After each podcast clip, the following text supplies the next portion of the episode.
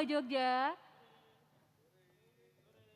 Waduh, kayaknya ini masih kurang semangat ya. Mungkin saya ulang sekali lagi. Selamat sore warga Jogja. Selamat sore. Nah, diwakili ya suaranya dengan teman-teman yang ada di ruang podcast pada sore hari ini. Nah, saya juga ingin mengucapkan selamat sore kepada teman-teman yang sedang menyaksikan live streaming podcast session dari Aruh Aruh Podcast by Diskominfo Daerah Istimewa Yogyakarta. Senang sekali saya Isabella Sabrina hari ini bisa memandu Aru-Aru Podcast selama satu jam ke depan dan tentunya saya tidak sendirian pada sore hari ini. Telah hadir bersama saya dua orang narasumber luar biasa yang nantinya akan berbincang bersama kita mengenai topik podcast hari ini yaitu peran TIK untuk Jogja yang lebih baik. TIK atau dikenal sebagai Teknologi Informasi dan Komunikasi memang menjadi salah satu hal yang cukup penting saat ini di mana kita semua sedang berjuang melawan pandemi. Namun sebelum saya memperkenalkan lebih jauh siapa narasumber saya pada sore hari ini, saya ingin menyampaikan untuk teman-teman yang ingin bergabung dalam sesi podcast kita hari ini di sore hari ini yang ingin menyampaikan tanya jawab ataupun ingin menyampaikan tanggapan, kritik dan juga saran, nantinya bisa menyampaikan pertanyaan melalui comment section yang tersedia di live uh, akun Instagram streaming dari @kominfo.dy ataupun juga bisa menyampaikan pertanyaan juga melalui comment section yang ada di akun resmi YouTube at Kominfo.dy dan juga siaran ini bisa disaksikan melalui Jogja Istimewa TV. Baiklah, tanpa berlama-lama lagi saya akan memperkenalkan dua narasumber saya pada sore hari ini. Yang pertama saya ingin menyapa Bapak Eko Swanto STMSI. Selamat sore. Selamat sore, Eko. Assalamualaikum ya. warahmatullahi wabarakatuh. Waalaikumsalam warahmatullahi wabarakatuh. Beliau ini adalah ketua dari fraksi PDI Perjuangan, mohon maksud saya Ketua Komisi A DPRD DIY dari fraksi PDI Perjuangan. Dan ada satu narasumber lagi yang mungkin wajahnya sudah tidak asing lagi karena sering teman-teman lihat entah di layar kaca ataupun di sosial media dan juga beragam artikel online nasional. Selamat sore kepada Dr. Tirta Mandira Hudi. Selamat Yo, sore, Dok. Sore, sore. Ya. Baiklah, untuk memulai sesi podcast pada sore hari ini, saya ingin mempertanyakan langsung kepada Pak Eko mungkin lebih dulu ya. Baik Pak Eko, terkait dengan tema podcast kita hari ini yaitu peran TIK untuk Jogja yang lebih baik. Kira-kira untuk sejauh ini pemanfaatan TIK sendiri itu teknologi informasi dan komunikasi di Yogyakarta seperti apa Pak? Baik, terima kasih. Jadi uh, berangkat dari kewenangan yang dimiliki oleh DPRD, gitu ya, fungsi yang dimiliki oleh DPRD, Salah satunya adalah kewenangan fungsi untuk membentuk peraturan daerah. Dan alhamdulillah berkat kerjasama yang baik dengan Pak Gubernur, serta Kepala Dinas Kominfo dan jajaran, kita sudah melahirkan peraturan daerah tentang pengelolaan dan pemanfaatan teknologi informasi dan komunikasi. Nah, di dalamnya ada beberapa hal yang menjadi tanggung jawab Pemda setelah perda ini lahir. Yang pertama adalah pemanfaatan TIK ini untuk peningkatan kinerja pemerintah daerah. Yang kedua untuk pelayanan publik sehingga pada hari ini hmm. banyak yang sudah uh, bermutasi ya hmm. dari offline menjadi online. Contohnya misalnya uh, untuk uh, anak yang baru lahir ya bisa kemudian secara cepat mendapatkan apa namanya kartu identitas anak, mendapatkan apa kakak dan seterusnya hmm. secara online dan sekarang tanda tangan kepala dinas sudah tidak banyak yang sudah pakai pulpen sekarang sudah pakai hmm. barcode. Ini beberapa transformasi yang kita kerjakan di lingkungan untuk peningkatan kinerja pemerintah daerah. Kemudian yang kedua itu terkait dengan pelayanan publik tadi. Hmm. Ya. Kemudian yang ketiga ini untuk keamanan dan ketertiban umum. Jadi alhamdulillah Pemda sudah bekerja sama dengan Polda ya. Jadi sudah bikin MOU dengan Polda untuk mendorong fasilitasi untuk uh, eh, IT bagi keamanan dan ketertiban umum. Sehingga di Jogja sekarang ini uh, eh, CCTV sudah kita coba integrasikan, termasuk untuk apa namanya uh, dirlantas yang ada empat perempatan yang sudah itilang misalnya, termasuk integrasi antara apa uh, urusan CCTV dan juga jaringan yang ada. Dan ini sangat bermanfaat. Misalnya kemarin pada saat rusuh demonstrasi di Jogja beberapa waktu yang lalu. Alat bukti kita bisa dapatkan gitu ya kita bisa bantu uh, di reskrim pada saat itu dengan apa server CCTV yang ada. Ini tentunya bermanfaat. Sehingga dari sisi keamanan misalnya Malioboro sekarang udah 100% wilayah itu sudah terjangkau CCTV dan terus ini kita kembangkan. Kemudian yang terakhir ini TIK ini untuk mendukung penanggulangan bencana. Jadi early warning system. Jadi misalnya sekarang kita bisa unduh aplikasi Jogja Istimewa misalnya, hmm. gitu ya. Yang kita bisa melihat Merapi setiap saat, melihat Parangtritis setiap saat termasuk CCTV yang di pinggir sungai sehingga sekarang ini dalam dalam memantau apa potensi bencana kita maksimalkan pemanfaatan teknologi informasi yang ada. Nah, sayangnya kemudian ini belum terintegrasi dengan apa pengelolaan yang swasta dan masyarakat. Jadi contohnya misalnya perhotelan yang punya CCTV ini belum terintegrasi dengan CCTV-nya bukan CCTV yang di dalam hotel ya, tapi hmm. CCTV yang di pintu masuk atau di dekat-dekat jalan itu ya. Ini belum terintegrasi dengan punyanya Pemda. Yang harapan kita ke depan uh, pemanfaatan TIK ini bisa maksimal dan alhamdulillah di tahun 2020 ini seluruh desa sudah terjangkau internet. Sudah kita sudah punya jaringan fiber optik cukup panjang di dalam ring road ini ada 65 km dan terus kita terus bangun terus. Nah, PR berikutnya adalah bagaimana literasi digital. Tadi di pertemuan informal sebelum acara ini dengan Dr. Tirta kami sampaikan bagaimana kemudian literasi digital ini mengikuti uh, pembangunan sarana prasarana dan juga apa namanya karena sarana prasarana yang baik kalau tidak diikuti dengan pembangunan SDM yang baik ini akan sia-sia. Sehingga yang terakhir pemanfaatan TIK ini untuk mendorong pertumbuhan ekonomi di Jogja. Jadi kita sudah punya perda tentang perlindungan dan pemberdayaan ekonomi kreatif. Nah, tinggal itu kemudian dari 16 jenis apa ekonomi kreatif yang ada, harapan kita kemudian bisa diintegrasikan dari sisi pemanfaatan teknologi informasi. Misalnya, ini Dinas Kominfo tahun ini bersama Komisi A melakukan pendampingan terhadap 60 UMKM sebagai salah satu model. Belum lagi nanti ada namanya desa wisata, ada desa budaya dan lain-lain. Tapi sekali lagi ini butuh kerjasama yang erat gitu ya antara pemerintah daerah dan stakeholder, termasuk teman-teman yang pelaku ekonomi kreatif dan juga konten kreator yang yang luar biasa. Termasuk program hari ini ya podcast hari ini itu program yang sama sekali baru dok ya. Hmm. Jadi sebelumnya itu ya berdialog kalau nggak di TV bentuknya seminar. Yeah. Nah kemudian dua tahun terakhir ini teman-teman Kominfo mencoba dengan melibatkan teman-teman muda ya juga ada musiknya dan lainnya sehingga dialog itu lebih asik dan tidak lagi mainstream ya saya kira ini perubahan-perubahan yang baik nah yang terakhir terkait dengan pemanfaatan TIK ini kita tahu hari ini ada COVID di tengah-tengah ya. kehidupan kita sehingga uh, salah satu penting literasi digital itu adalah untuk memberikan informasi yang benar, informasi yang jujur ya, informasi yang akurat dan cepat terkait dengan penanganan COVID. Sehingga kita bersama dengan Pemda melalui gugus tugas setiap hari itu melaporkan situasi terbaru ya.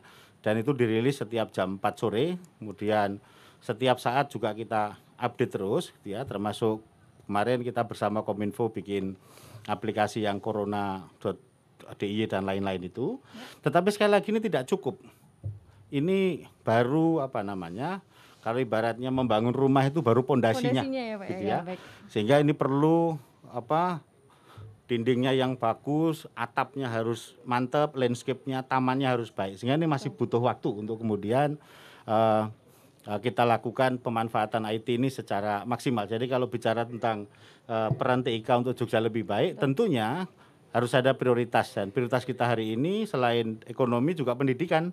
Karena tiba-tiba setelah COVID ya, setelah COVID anak-anak sekolah dari rumah gitu ya dan lain-lainnya. Sehingga melalui anggaran tahun 2020 kemarin kita sudah selesaikan yang untuk jaringan di tingkat SMA dan SMK juga untuk pondok pesantren dan lain-lainnya insya Allah juga sudah selesai. Tetapi perlu kemudian terus dimaintain dan ditambah dengan literasi uh, digital. Termasuk yang terakhir kita bersama Kominfo melakukan patroli cyber.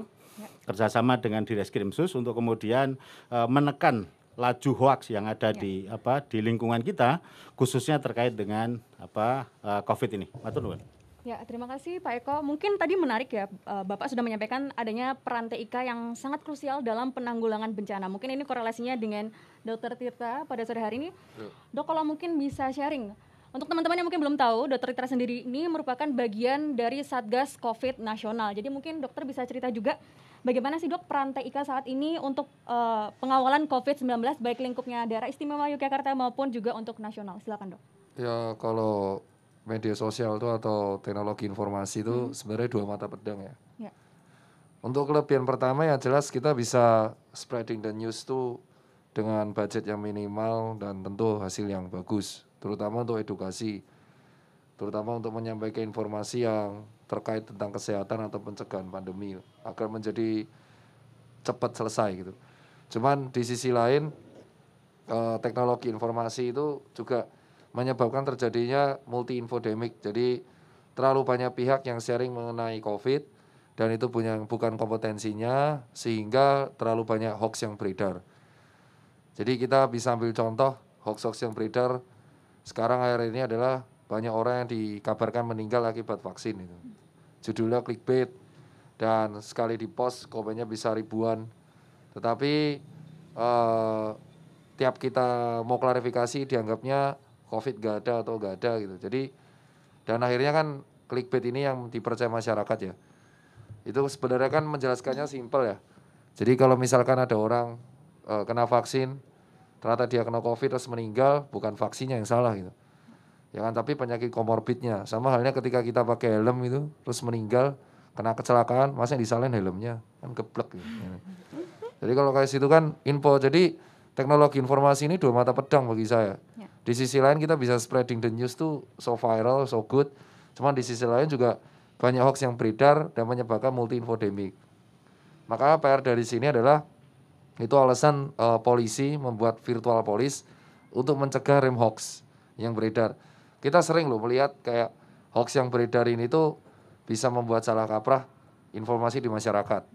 Apalagi kalau narasi triggernya itu sudah menggunakan emosional. Gitu. Itu pandangan saya mengenai TIK sendiri atau teknologi informasi komunikasi. Itu lumayan parah dan e, banyak pejabat kita juga statementnya gara-gara TIK ini adalah sendiri sendiri-sendiri. Ya. Jadi nggak kompak. Contoh Satgas Covid belum statement, tapi yang lain sudah statement sehingga terjadi info yang saling bertubrukan. Nah, ini yang harus diperhatikan dan ini area dipercaya masyarakat. Kedua, masyarakat sendiri untuk yang TIK ini uh, mereka kaget ya soal teknologi ya. Saya selalu tuh hanya untuk generasi 80 90 ya. Karena generasi tahun 80 90 yang lahir tahun 80 90 itu mengalami perkembangan teknologi yang luar biasa. Dari zaman dulu dia cuma SMS, ngerti messengeran, ngerti BlackBerry, sampai akhirnya ngerti mengenai WhatsApp gitu. Sementara generasi kita yang sekarang yang kelahiran baru ini kaget karena teknologinya bagus dan generasi di bawah 80 bawah juga kaget. Hari ini mengakibatkan apa? Contoh ya, kita sering ada grup hoax tuh yang menyebar lewat grup Telegram dan grup WhatsApp. Dan banyak ibu-ibu, bapak-bapak tuh yang sangat dengan polosnya percaya hal seperti itu. Ya kan? Banyak DM di saya mengatakan, "Dok, saya dapat info di grup WA mengatakan vaksin itu ada microchipnya." Jadi hmm. saya aja ketawa, itu logika dari mana coba? Microchip tuh gimana cara blendernya coba untuk masuk vaksin. Tapi ibu-ibu percaya. Dan ini adalah narasi yang uh, sampai sekarang ya itulah yang terjadi di Indonesia. Karena terjadi, tidak terjadi pemerataan informasi media sosial antara Sabang sampai Merauke, kaget jadinya. Terus poin ketiga adalah yang bisa memanfaatkan teknologi informatika ini untuk kepentingan bisnis atau kepentingan UMKM juga sedikit ya.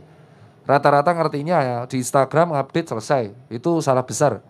Kita juga harus paham analisa target marketnya. Apa itu Instagram Ads apa itu FB Ads apa itu Google Ads apa itu YouTube Ads apa itu AdSense. Teknik-teknik foto yang benar itu seperti apa itu orang belum ngerti ya. Dan para pedagang di Indonesia ini yang pandemi yang rontok itu rata-rata yang nggak bisa manfaatin teknologi karena mereka ngertinya ya konvensional uh, dagang tuh ya produksi, nyetok, selesai. Nah, di pandemi ini kaget mereka. Mereka nggak ngerti itu apa apa itu marketing, apa itu advertising, apa itu KOL, apa itu podcast, apa itu YouTube, apa bedanya dengan podcast dengan live streaming itu mereka nggak ngerti. Akhirnya mereka kaget, nggak bisa beradaptasi dan mereka usahanya bangkrut. Nah, ini yang harus dipelajari bareng-bareng ya.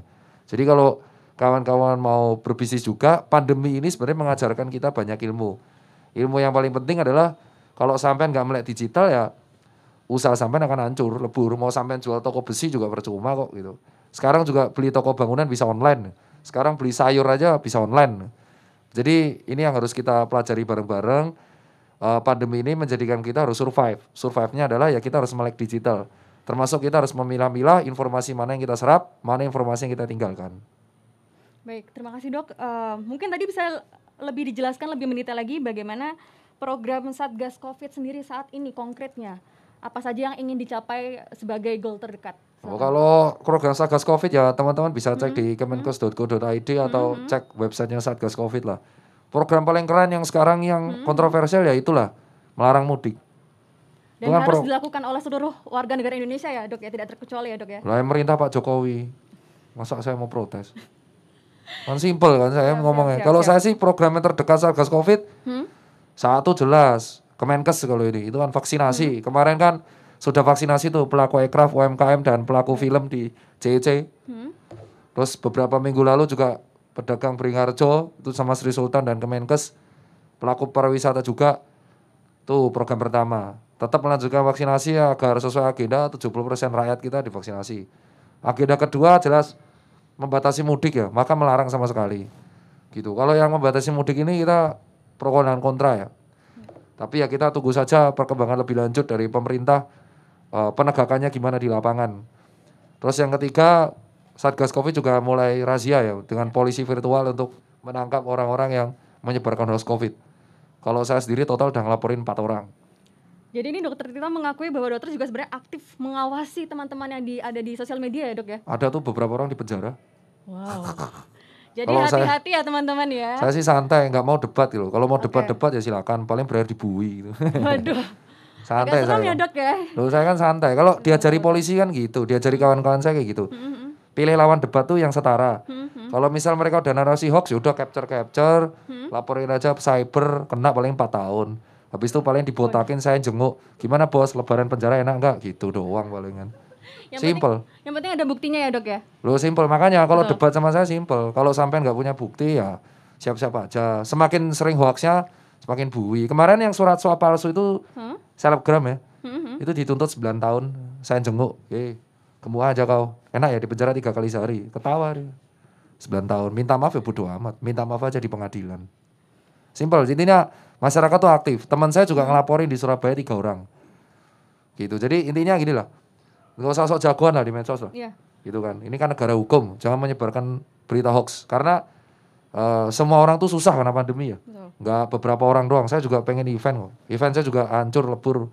Tapi kalau sampean membuat gaduh dengan menyebarkan berita palsu ya urusannya sama pihak berwajib. Bukan bukan kita kriminal tajam di atas tumpul ke bawah. Betul. Selama ada aturannya kalau nggak ada aturannya penjara nggak penuh. Berarti sekarang lebih tegas ya dok ya? Dari dulu tegas ya. Hmm, okay, saya, tapi... saya tuh kelihatannya di medsos keluar-keluar doang, iya. tapi menjarain orang di belakangnya. Loh, mungkin netizen tuh sebenarnya sudah takut pada dokter Tita loh. Dok. Ngapain takut? Malah justru saya pengen dihujatnya kayak gitu. Cuman yeah, kalau ngata-ngatain saya, saya cuekin. Mentok-mentok maki-maki tuh bodo amat saya. Alah bocah gitu paling. Mm-hmm. Kalau maki-maki nggak apa-apa. Yang saya incer tuh yang menyebarkan berita palsu. Mm. Ya hmm. kan? Kalau kasus jering yang laporin bukan saya itu kepala ID, ketua ID. Oh, dari ikatan dokternya langsung ya? Oh iya, itu salah sendiri kan ngecek-ngecek kan. Kan saya udah bilang, hmm. jangan sok jagoan di medsos gitu loh. Karena kalau udah dibui ya nggak akan bisa jagoan lagi. Gitu kan. Kalau yang laporin, kalau nggak saya yang laporin ya pasti kepala. Ya. Saya nggak pernah ngelaporin orang-orang ngata-ngatain saya kacung WHO lah, salah vaksin, bodoh amat, kurang keras itu. Tapi kalau misalkan yang sudah narasinya hoax kayak contoh dokter mengcovidkan itu, rumah sakit mengcovidkan, saya ancam keluarga kamu, wah itu hilang tuh. Itu sempat, oh, kok hilang sih? Saya laporin. Sempat kejadian fenomena di Twitter juga ya dok ya? Oh di Twitter saya bodo amat rata-rata fake account. Fake account itu hit and run. Saya lapor. Ya, dok ya? ya udah biasa lah. Ya, Sering iya. ngopi-ngopi ya, juga kok saya sama mereka-mereka. Hmm. Kalau yang saya laporkan tuh yang jujur di media sosial benar-benar narasinya sampai grup WA. Oh. Kalau pengecualian okay. kayak kasusnya uh, Jering sama Anji itu, itu kan pure mereka tidak hoax tapi mereka uh, ngata-ngatain. Kalau saya sih dikata-katain udah biasa. Kalau kebetulan senior saya nggak biasa ya makanya bermedsos yang bijak ya Baik. gitu Donald Trump aja akun Twitternya dihapus kok gitu Twitter masih baik sama kita kalau itu dari saya sih jadi TIK itu harus berbijak juga bermedsos. Kalau sampean nggak percaya sama COVID, ya udah urusan sampean. Tapi hmm. jangan memaksa orang lain untuk seperti sampean. Gitu. Baik, mungkin tadi Dokter Tirta sebagai bagian dari Satgas COVID nasional juga menjalankan tugasnya bahkan sampai melaporkan langsung ya, Dok ya? Oh iya iya. Oke. Okay. Paling ujung-ujungnya saya diancam dibunuh, ya kan cuma ancaman doang. Waduh. Ini uh, kita yang di sini dengerin udah lumayan kembang kempis ini dok. Oh se sepele itu. Jadi saya tuh sering kok bisa ditanya. Yeah. Saya sering kok ngadep ke Polda Metro. Kemarin hmm. jadi saksi. Dua minggu lagi saya ke Polda Jatim jadi saksi. Jadi ini kan negara hukum ya. Maksudnya uh, rakyat pun bisa ngelaporin. Misal nih rakyat. Lah kalau ada pejabat hoax ya laporin. Ada hukumnya kok. Karena karena ada bukti palsu selama tidak didelete ya nggak apa-apa. Ya. Makanya kalau teman-teman punya masalah jangan viralin dulu. Hmm. Capture capture habis itu laporin nah ya. dia mau ngapus udah telat ya baik dok mungkin kita beralih ke Pak Eko terlebih dahulu yeah. saat ini ya baik Pak Eko tadi kita sudah mendengar uh, penuturan dari Dokter Tirta bahwa bahkan Dokter Tirta sendiri yang mungkin sudah banyak dikenal oleh halayak luas beliau sampai melamporkan langsung oknum-oknum yang sekiranya menyampaikan hoax atau berita yang tidak akurat terkait dengan COVID-19. Nah, mungkin Pak Eko bisa lebih menitik lagi untuk dari program pemerintah Pak yang untuk mengcounter hoax, untuk mengcounter adanya kejahatan cyber yang seperti itu seperti apa Pak? Jadi begini, hmm? uh, benar yang disampaikan Dokter Tita tadi bahwa teknologi informasi komunikasi ini punya dua sisi yang ya. sangat berbeda. Di satu sisi kita bisa manfaatkan untuk meningkatkan produktivitas, ya. Di sisi lain bisa sangat tajam.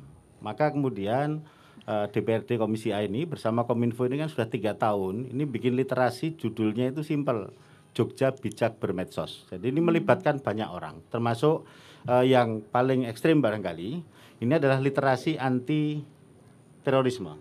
Dan kita menggandeng beberapa orang yang direkomendasikan untuk melatih mereka karena uh, ujaran kebencian, hoax, macam-macam yang diatur di pasal 28, 29, 30 Undang-Undang ITE itu sanksinya cukup tegas di pasal 45 dan 46 dan uh, regulasi ini menjadi pedoman bagi kita di dalam melakukan law enforcement. Kalau tadi Pak Dokter tadi me hmm. melakukan proses hukum terhadap orang terkait dengan COVID, ya. ya. Beberapa hal kebetulan saya ini kan ketua partai.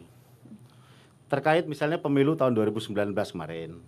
Ada hoax tentang surat suara yang apa namanya uh, disampaikan bahwa ada di Tanjung Priok ya 70 juta surat suara sudah tercoblos dan macam-macam. Mm -hmm Alhamdulillah setelah kami laporkan ke Polda DIY dan juga ke reskrim gitu ya. Hmm. Akhirnya kan pelakunya juga ditangkap juga. Jadi kebetulan saya sendiri waktu itu yang ke SPKT di di Polda DIY itu ya.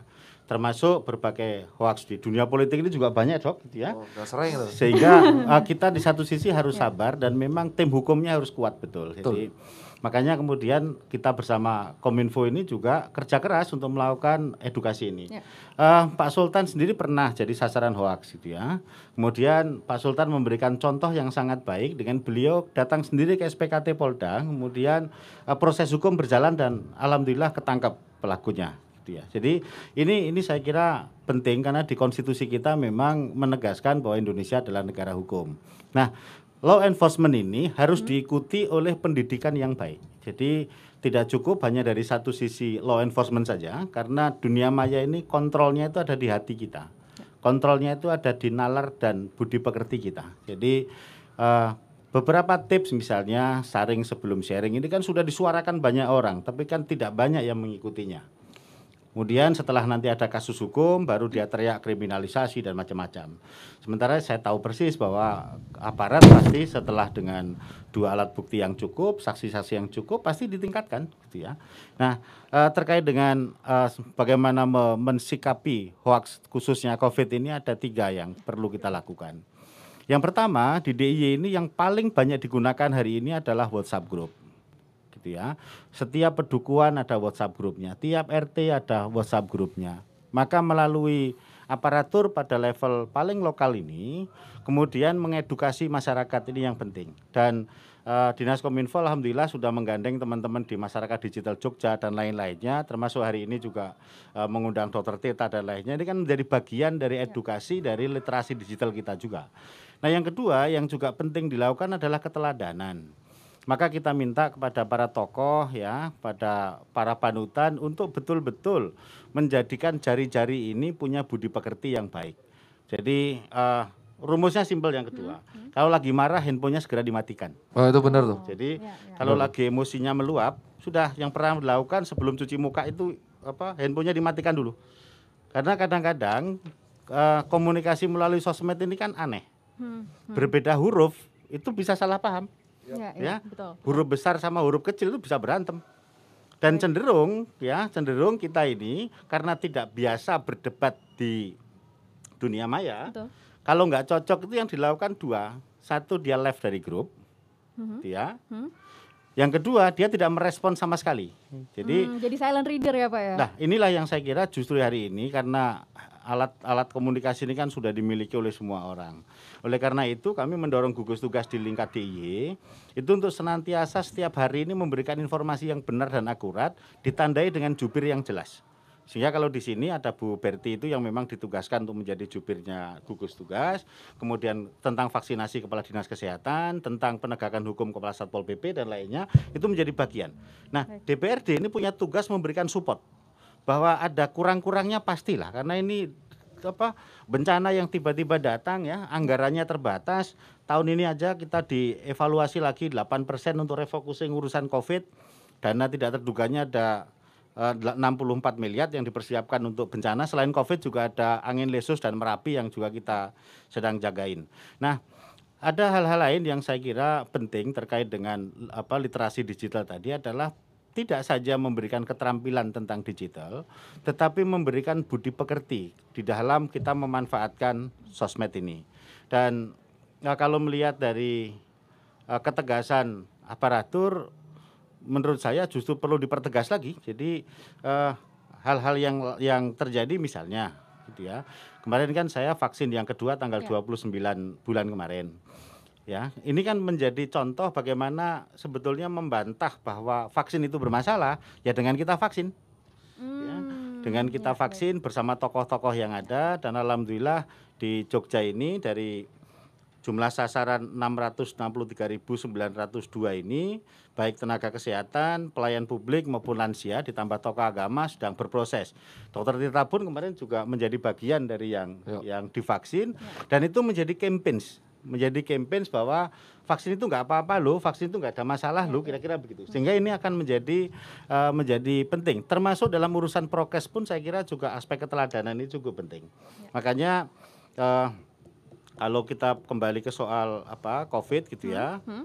Uh, sudahlah tidak perlu berdebat lagi soal COVID ini ada apa tidak. Faktanya ada dan faktanya di DIY per kemarin sore hmm. sudah ada 840 yang meninggal karena confirm COVID. Ya, ya, ya. Soal komorbid soal penyebabnya apa, ya. tapi ada fakta bahwa 840 di DIY ya. meninggal dalam status positif COVID. COVID. Ini fakta. Ya. Maka kepada kita masyarakat di DIY ya, jangan menjadi yang ke-841. Ya, dengan cara apa? Dengan cara memberikan edukasi terus-menerus melalui sosmed. Termasuk uh, acara sore hari ini, kemudian juga apa namanya? berbagai konten kreatif yang dibikin oleh teman-teman apa uh, dinas ini sudah sangat baik. Tinggal satu yang perlu dimaksimalkan. Pelibatan teman-teman konten kreator, pelibatan teman-teman yang aktif di luar ini. Jadi teman-teman ini kan harus diberi kamar karena mereka punya kemerdekaan berpikir, mereka punya kreativitas yang luar biasa hebat. Tinggal bagaimana kemudian disinergikan dan dikolaborasikan. Baik. Contoh misalnya, kemarin saya itu ke Gunung Kidul di Paduk sama temanya literasi digital tapi untuk desa wisata sehat. Terakhir kemarin sore dengan Gusti Bendoro itu desa wisata sehat namanya. Jadi bagaimana kemudian menjalankan prokes di sana. Nah di Gunung Kidul kami nemu satu orang Farus namanya. Ya bukan berarti mengendorse di acara ini tidak. Ya. Tapi dengan konten ngarit misalnya, itu yang nonton ternyata banyak. Nah kalau oh, ini bisa digandeng dan alhamdulillah Pak Kelik dari Dinas Gunung Kidul sudah mulai mengkomunikasikan sehingga konten-konten ini bisa di bisa dimasukkan. Diangkat kembali ya Pak ya? Ya termasuk teman-teman di Jogja ini kan ya. banyak yang Twitter ini yang followersnya sampai satu juta kan ada. Ya, ya, ya. YouTube yang followersnya di atas satu juta juga banyak, Facebook banyak. Nah kita kan hanya minta tolong saja, tolong ya membantu menggerakkan masa bantu ya, Pak ya? untuk ya. edukasi pada baik. masyarakat dan saya yakin dengan dengan ke, apa kehendak hati teman-teman yang sangat baik teman-teman mau dan ini saya kira tinggal bagaimana kemudian dinas kominfo menjadi rumah bagi semua rumah bagi teman-teman yang aktif di dunia maya ini ya. karena kayak saya di DPRD ini kan generasi lahir sebelum 80 jadi cik gerudal gradul juga gitu ya Benar Jadi saya kira uh, bagian saya lebih ke supporting Ya, saja. ya, ya, Terus kita minta bantuan Dokter Tirta dan juga teman-teman untuk mari bareng-bareng untuk melakukan literasi digital. Jadi selain law enforcement juga kita ikuti dengan pendidikan yang baik bagi masyarakat terkait dengan pemanfaatan TIK ini. Baik, menarik sekali ya Pak Eko ya. Masih seperti masih banyak hal yang mendetail ingin dibahas pada sore hari ini. Tapi mohon tunggu sebentar nanti akan kita explore lebih jauh lagi dengan Dokter Tirta juga. Pemirsa jangan ke mana-mana, tetap di Aruh Aruh Podcast bersama kami sore hari ini bersama Pak Eko dan juga Dokter Tirta. Ada satu yang belum disetujui sama teman-teman.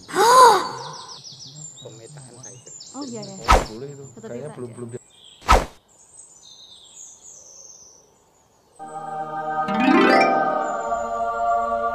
Ingat selalu pesan ibu, jaga jarak 2 meter, hentikan penyebaran COVID-19.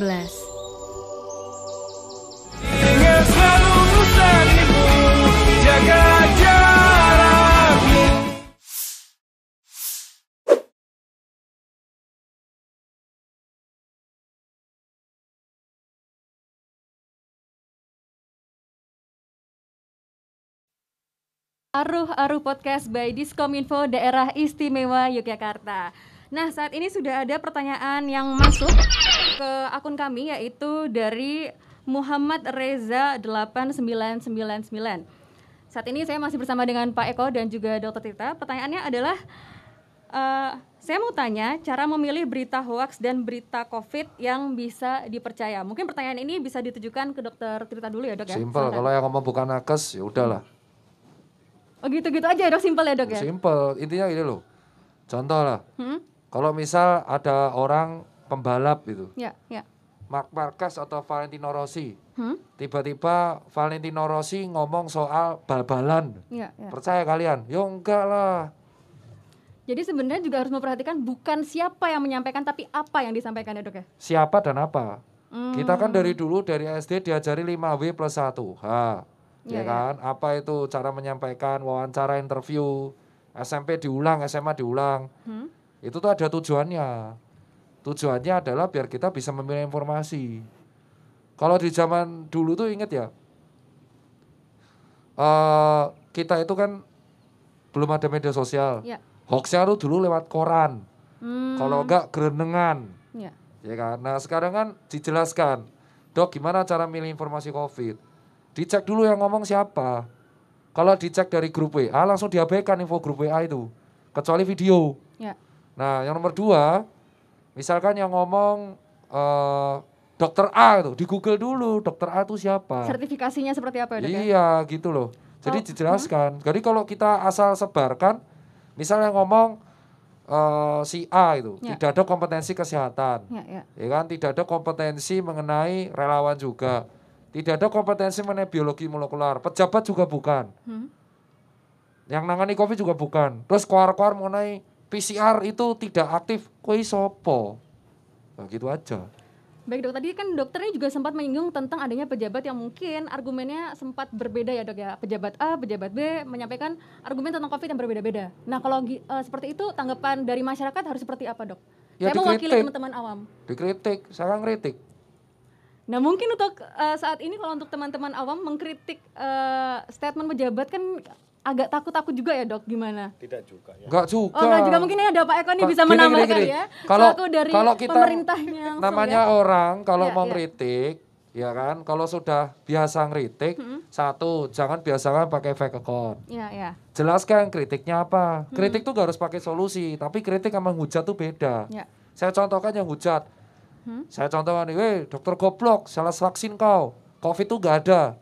Hmm, Terus begitu saya law- eh, gas, baperan sih. Loh itu bukan kritik bos. Masa Hmm, kau nggak baik. diajari bapak ibu kau untuk kritik gitu tak gituin. Yang kedua kritik tuh kayak gini. Dokter Tirta, kayaknya cara penyampaiannya harus lebih halus karena nggak banyak orang tua ah, jantungnya kuat dengar logat gas itu kritik. Hmm. Ya. Nah kalau ada pejabat misal kayak kemarin saya ngeritik Pak Effendi larangan mudik itu bertentangan dengan statementnya Pak Sandiaga Uno. Ya. Tolong dikoordinasikan. Kritik itu. Jadi jelas. Jadi nggak usah takut. Nanti kritik dibungkam. Kalau itu bukan dibungkam, kamunya aja yang nyebarin berita palsu sama berita bohong. Kalau kamu benar ngapain takut? Lah berita palsu kamu bela bilang berita benar tuh salah. Saya anak muda, saya nggak takut covid. Iya, sampai nggak kena covid nggak masalah. Orang tuamu gimana? Adikmu gimana? Ya, ya, ya. 80% gejalanya ringan, 20% gejalanya berat. Ya kita kan melindungi 20% ini. Ya. Jangan ribet lah, gitu loh. Kita kan udah dikasih aturan, ya udah dipatuhi aja. Nah itu yang jadi masalah tuh adalah membedakan kritik dan menghujat. Hmm. Jadi seakan-akan kita gampang punya handphone, punya akun langsung tat tat tat tat tat, wes ditinggal. Bener tuh kata, bener kita tuh harus sosial media detox. Mm. Kalau kita dimarahi istri, punya utang nggak dibayar, ya kan? Lagi bete sama kerjaan, jangan main medsos. Mending pause dulu ya dok ya. Ya kita mancing kayak tidur kayak cuci Ya, ya, muka ya. kayak sholat kayak gitu loh. Ya. Langsung dilampiasin medsos itu. Kan banyak tuh kita lihat ibu-ibu diadili kemarin ngata-ngatain artis, ih anakmu jelek. Begitu diadili minta maaf kenapa? Iseng. Iseng mau ngatain anak orang, bos. Ternyata isengnya gara apa? Berantem sama suaminya, ngatain anak artis kan nggak boleh. Jadi adalah kalau kita lagi emosional jangan megang medsos. Ya. Media sosial itu untuk orang-orang yang emosinya stabil. Ya. Dah. Baik dok, mungkin berarti tadi bisa disampaikan bahwa kritik yang benar di sosmed itu juga tergantung dengan cara penyampaiannya ya berarti ya. Bahasanya dan substansinya, betul ya dok ya? Ya betul, nggak j- yang nyambung dong. Misal saya bahas Liverpool, tiba-tiba bahasnya di bawah salah vaksin, gimana sih? ini? Yang bener loh, di sekolahin bapak ibu sampai gede nggak bisa milih topik. Misal pejabat A gini, Iya, iya. pejabat A lagi ngomong soal jalan tol, Hmm. tiba-tiba ada orang nyamber bahas kesehatan, nyambung nggak? Nggak nyambung. Bicara soal substansinya, konteks juga ya dok ya? konteksnya Konteksnya dibahas penting. itu loh. Jadi biar kritiknya membangun. Contoh kritik membangun nih. Saya kemarin kritik Satgas Covid, setahun yang lalu Satgas Covid menyiarkan Mobile Legend. Apa kaitan edukasi Covid sama Mobile Legend? Gak ada kan? Iya. Saya kritik keras itu, keras Iya, banget iya, kritik ya. Habis itu adminnya ditegur, di-delete semua postingannya. Hmm. Ah dokter mah terkenal. Terkenal gimana? Itu resiko saya bisa di-delete takutnya Ya, kalau ya, misalkan mereka ganas, di-delete yang di mereka yang ngalah karena mereka tahu mereka salah. Ya. Gitu, ibaratnya gini, pejabat itu supir bus, Hmm. kondektur itu polisinya, Ya. penumpangnya tuh warganya. Hmm, hmm. Kan namanya supir bisa ngantuk. Yang ingetin kalau nggak kondektur siapa? Ya war, ya kan penumpang ya toh? Iya betul Ah, ya betul. udah. Masyarakat. Itu, jadi santai aja selama kita bisa bertata bahasa dengan bagus, Hmm. ya nggak masalah. Ya. Dan sesuai juga dengan konteks dan substansinya tadi itu ya dok ya? Ya kalau nggak mau diatur ya jangan tinggal negara, buat negara sendiri lah. Ya itu jadi teman-teman udah pada dengar semua ya dari Dokter Tita Langsung selaku juga bisa dibilang bagian dari Satgas Covid Nasional Negara Republik Indonesia. Dan baik dok, mungkin saya bisa minta closing statement dari Dokter Oh, Tita iya. untuk teman-teman dan juga masyarakat Oh, di luar iya. sana dan juga nanti closing statement dari Pak Eko langsung Siap. yang tadi sudah menyampaikan jangan takut-takut untuk menyampaikan kritik yang membangun kepada pemerintah. Betul ya Pak ya? Iya, ya. betul. Monggo Dokter Tita terlebih Jadi dahulu. kalau dari saya, saya sebelumnya mengucapkan terima kasih pada Pemprov DIY ya. Saya hampir 13 tahun di sini. Usaha saya di sini, saya lulus juga dari sini. Saya juga relawan Kulon Progo. Terus relawan PKK kemarin ditunjuk istrinya Pak Tito suruh jadi relawan PKK nasional. Padahal PKK isinya ibu-ibu, bingung saya. Tapi ya nggak apa-apa lah, demi umat. Saya juga Iya, iya, bantuin iya. Disperindak, bantuin Kanjeng Ratu, Sremas, bantuin Pak Kualam juga. Intinya tuh gini buat kawan-kawan lah. Namanya membantu orang Hmm. itu nggak harus kaya raya dan nggak harus dari duit. Kalau nggak punya duit, pakai tenaga. Nggak punya tenaga, pakai pikiran. Nggak punya pikiran, nggak punya tenaga, wow piye kopong utek masa, ya kan? Jadi membantulah semaksimal yang kamu bisa. Nomor dua, soal teknologi informasi. Hmm? Kita itu kalau lagi emosi jangan main medsos. Ya. Medsos itu bukan pelampiasan untuk ngebully orang lain. Medsos adalah media berbagi. Ada orang yang hobinya pamer, gitu kan? Kayak artis-artis, influencer tuh banyak yang pamer mobil mewah. Hmm? Kalau kalian nggak suka kontennya, jangan dijulitin. Ya. Nah, ganti konten yang lain dong. Jadi kita yang punya ketentuan untuk memilih ya dok ya? Kamu yang memilih, Iya, gitu betul, loh. betul. Dan nomor tiga, Hmm? Indonesia itu pengguna media sosialnya Hmm? termasuk tertinggi di dunia. Hmm? Kemarin Microsoft menobatkan netizen Indonesia sebagai netizen paling kasar di dunia. Oh iya iya betul. Dan bener, Hmm. akun BWF, All England aja hilang bos. Luar biasa ya. Ya, All England hilang. Kita Ya. tuh kalau perang dunia, Hmm? kita masih punya netizen.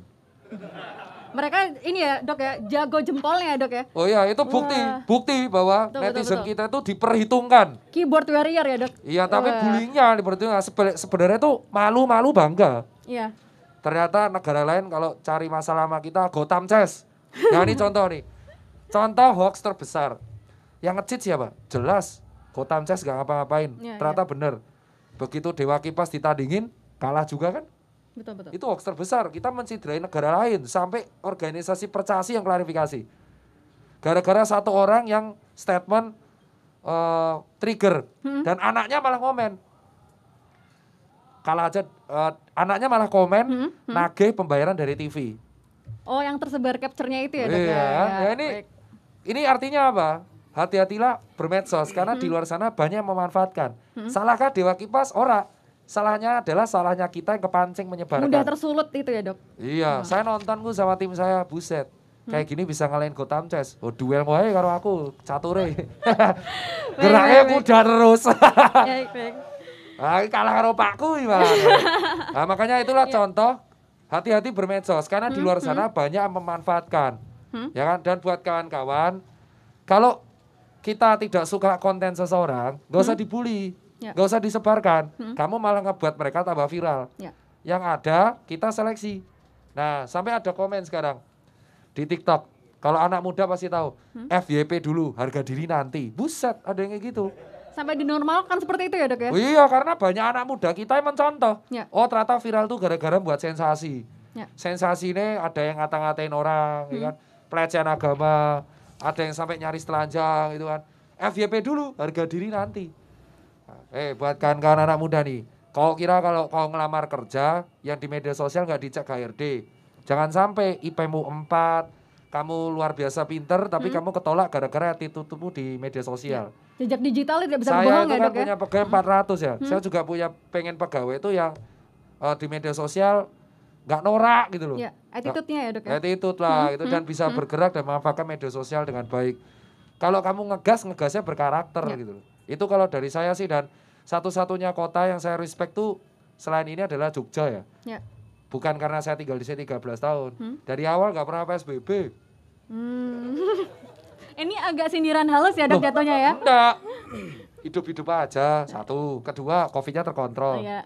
Dan masyarakatnya termasuk yang anti hoax. Ya, ya. Loh, masyarakat yang percaya hoax dikira masyarakat Jogja, bukan. Hmm. Sebelah tuh, kota barat. Kota daerah barat. Malah Mau, saya nyebut mau ya. nyebut nggak? Oh, saya kan dari sana. Ya, ya, Jadi ya, baik, dari baik, saya baik. sih pertahankanlah Jogja itu termasuk yang eh, bagus. Soalnya saya pernah ingat di bulan Agustus Hmm. Jogja itu buat kampung mandiri Covid. Hmm, Kalau hmm, ada pendatang dikarantina Bisa sendiri sama ya, warganya. Ya, Dan. Jogja itu sudah istimewa dengan kodratnya gitu loh. Kalau ada yang menghujat, warganya ngelawan. Kita contoh kerusuhan kemarin demo Omnibus. Hmm? Itu kayak menjaga warganya sendiri. Hmm. Ditangkap ya sama warganya. Jadi gini, Jogja itu salah satu kota yang bisa sukses melawan Covid. Maksudnya mengkontrol ya. Itu karena warganya kompak. Ya pertahankanlah kekompakan ini agar bisa dicontoh daerah lain. Baik. Tapi nggak perlu dibandingin sama daerah lain karena daerah lain banyak yang ngacur juga banyak. Satu-satunya kota yang wisatanya tetap dibuka tapi pakai masker terus. Saya tadi ke Hmm? Malioboro semuanya ada pakai Mengamati masker. ya, Dok ya? Ya. Loh ya mengamati. Saya kan sering kangkringan kan. Oh, Ya, kan? baik. Ya, jadi ini patut dicontoh sama kota lain. Hmm? Eh, semoga aja apa yang bisa dilakukan dipertahankan buat para anak mudanya terus menginspirasi. Semoga kampus tetap terus dibuka, UMKM juga bisa pulih kembali dan COVID tetap terkontrol. Terima kasih buat Pak Eko Amin, dan amin. kawan-kawan Diskominfo, Amin. terutama Pemprov dan Pemda Jogja. Semoga terus bisa berkolaborasi dengan anak muda lain. Ya. Terima kasih Dokter Rita. Tadi untuk teman-teman sudah paham ya, kira sekiranya harus benar-benar menjaga tidak hanya lisan ketika di dunia nyata tapi juga tulisan ketikan di dunia maya karena akan dipertanggungjawabkan dan biasanya eh, itu nantinya bisa berakhir panjang entah itu nanti kata dengan HRD, entah itu juga Mbak, bisa saya boleh izin ke belakang nggak, Mbak? Oh ya silakan. Oh, silakan. Terima kasih Dokter Rita sudah hadir pada sore hari ini. Baik. Dan selanjutnya eh, saya akan minta closing statement dari Pak Eko. Mungkin untuk melengkapi juga closing statement dari Dokter Rita dari segi pemerintah Pak. Silakan. Baik, jadi begini, eh kita sudah sama-sama tahu Ya. COVID ini sudah satu tahun lebih. Ya. Selain berdampak kepada kematian, perekonomian, dan juga berbagai perubahan paradigma yang cukup besar. Ada satu yang terjadi namanya transformasi digital. Jadi perubahan digital ini sangat cepat. Hmm. Sekolah dari tatap muka menjadi online, rapat dari tatap muka menjadi daring, dan seterusnya. Maka kemudian eh, yang perlu kita lakukan bersama-sama adalah yang pertama itu terus menerus melakukan edukasi. Hmm. Makanya kami bersama dengan Dinas Kominfo ini menggandeng uh, netizen, menggandeng berbagai tokoh untuk kemudian bersama-sama melakukan literasi digital. Dan ini terus menerus kita lakukan. Tapi ini tidak cukup karena di luar sana juga banyak tokoh-tokoh yang harus dilibatkan sehingga dalam dalam rangka memberi informasi yang benar cepat dan akurat ini pemerintah daerah juga harus menggandeng tokoh agama hmm. juga harus menggandeng tokoh-tokoh masyarakat sampai ke tingkat paling lokal Hmm. ya karena ppkm yang hari ini sedang berlangsung dan akan diperpanjang sampai tanggal 19 ini hmm. ini kan uh, dilaksanakan pada level RT RW dukuh dan pedesaan maka kemudian tokoh-tokoh pada tingkat desa, ya alim hmm. ulama di tingkat desa, tokoh-tokoh agama tingkat desa harus digandeng gitu ya, ya. untuk bersama-sama memberikan edukasi. Misalnya, bagaimana sih menjelang Ramadan besok, hmm, hmm. ya agar informasinya benar. Untuk wilayah yang hijau, bagaimana tata cara peribadatannya. Ini kan harus kemudian di, dilibatkan tokoh-tokoh agama. Ya. Nah, uh, hal yang lain yang juga mendasar harus kita kerjakan terkait upaya kita menjaga Jogja ini adalah bagaimana disiplin menjalankan PPKM ini secara serius. Ya. Kemarin ada klaster yang namanya layatan di Sleman. Hmm. Ya, kemudian juga ada beberapa klaster yang sebelumnya tidak kita duga. Hmm. Sehingga ketika ada perdebatan apakah ekonomi dulu, apakah keselamatan dulu, apakah sosial dulu atau keselamatan dulu, maka prioritas pertama adalah keselamatan. Mm. Jadi dalam dalam manajemen mitigasi bencana, dia nomor satu ini adalah keselamatan manusia. Ya. Baru kemudian kita diskusikan bagaimana tata kelolanya agar selamat. Hmm. Jadi misalnya tadi memberi informasi tentang hari ini pasca Sleman dua tempat ada klaster karena layatan itu, hmm. ternyata juga perlu diatur bagaimana sih pemerintah melalui pemerintah tingkat desa dan tokoh-tokoh agama, tokoh-tokoh masyarakat tingkat desa, hmm. selain jalur sosmed atau jalur TIK, ya. juga jalur daratnya ini harus bareng. Ya, ya. Jadi jadi dua dua pintu ini harus jalan bareng. Jadi uh, tidak bisa hanya sosmed saja, tapi juga harus ada upaya meyakinkan. Jadi uh, tahapan to see, to know, to understand, to believe. Jadi bagaimana -hmm. uh, memperlihatkan kepada masyarakat ini loh COVID ya kemudian memberitahu masyarakat ini loh cara uh, me menghindari COVID itu satu-satunya ya. cara hanya dengan memutus mata rantai penularan COVID. Ya. Caranya bagaimana? Ya baru yang ketiga memberi pengertian kepada masyarakat. Ya. Oh dengan cara menggunakan masker, ya.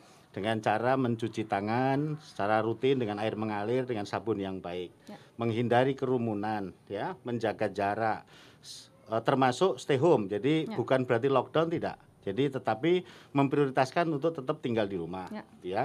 Nah, kemudian yang terakhir memberikan keyakinan kepada masyarakat, membangun kepercayaan diri.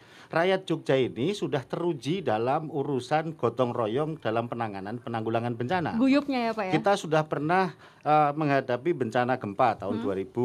2006 ya. ya dengan korban 6.000 orang. Bagaimana gotong royong itu bergerak luar biasa hebat.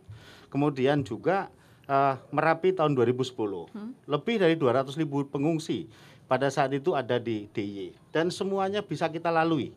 Maka dengan optimisme yang besar ini kita hmm. coba bangun masyarakat percaya diri untuk mari bersama-sama melalui teknologi informasi dan komunikasi yang ada ini selain memberikan informasi yang benar, cepat dan akurat, tapi juga untuk membangkitkan semangat ini ya. Jadi untuk apa namanya?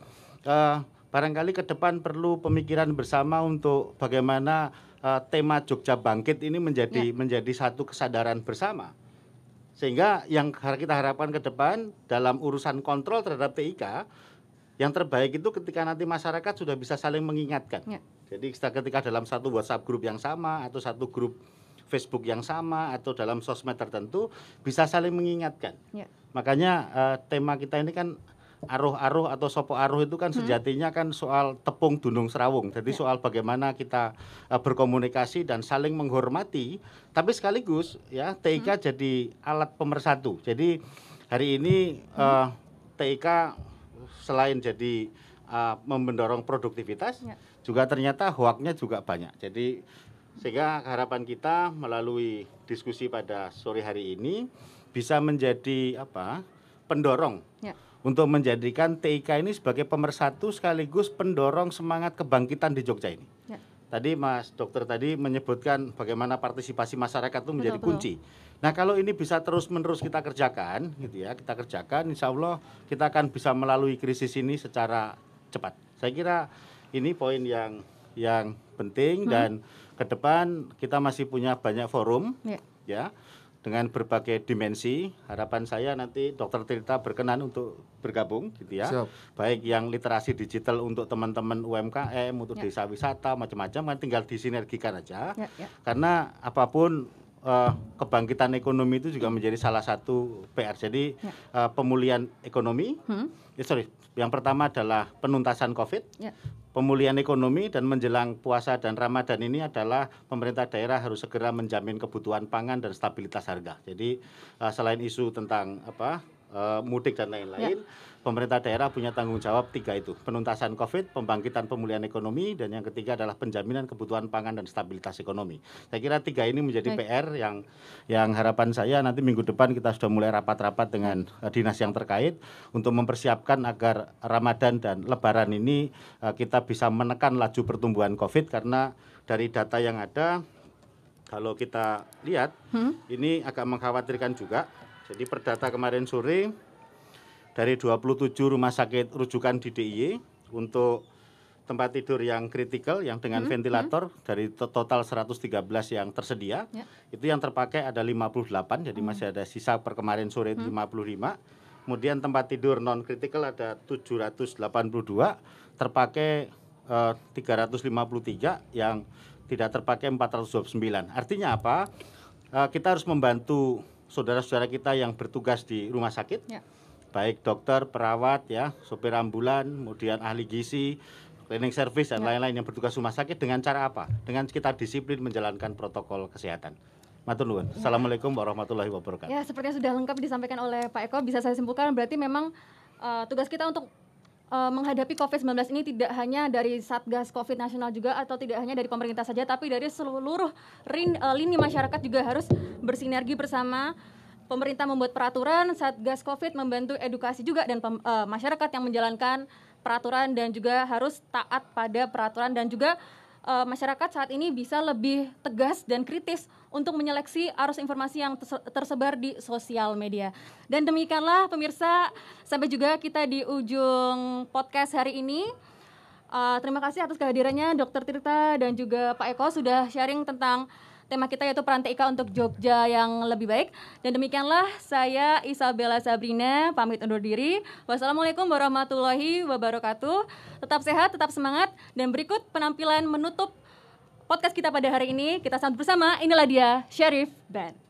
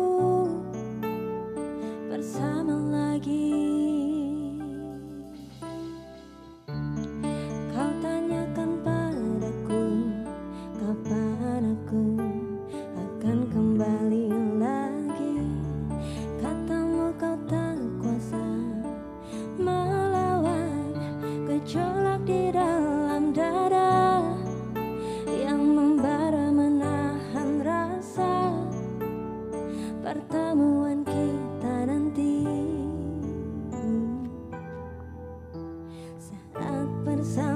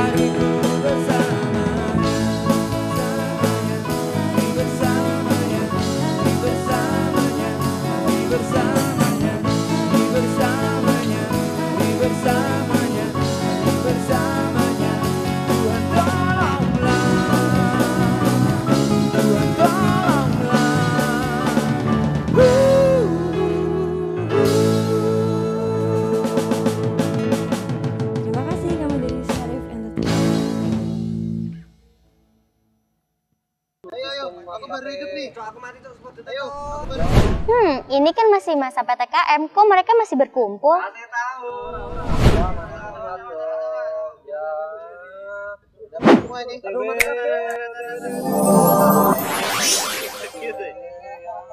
Benedetanya.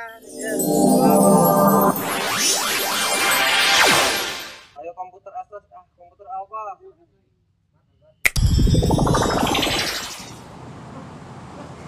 Oke lur, kita mabar di rumah aja. Tapi sebelum kita pulang, kita olahraga dikit dulu biar sehat. Oke.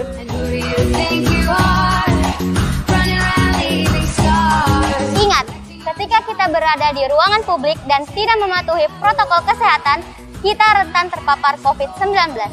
Saatnya menumbuhkan rasa peduli untuk memutus mata rantai penyebaran COVID-19.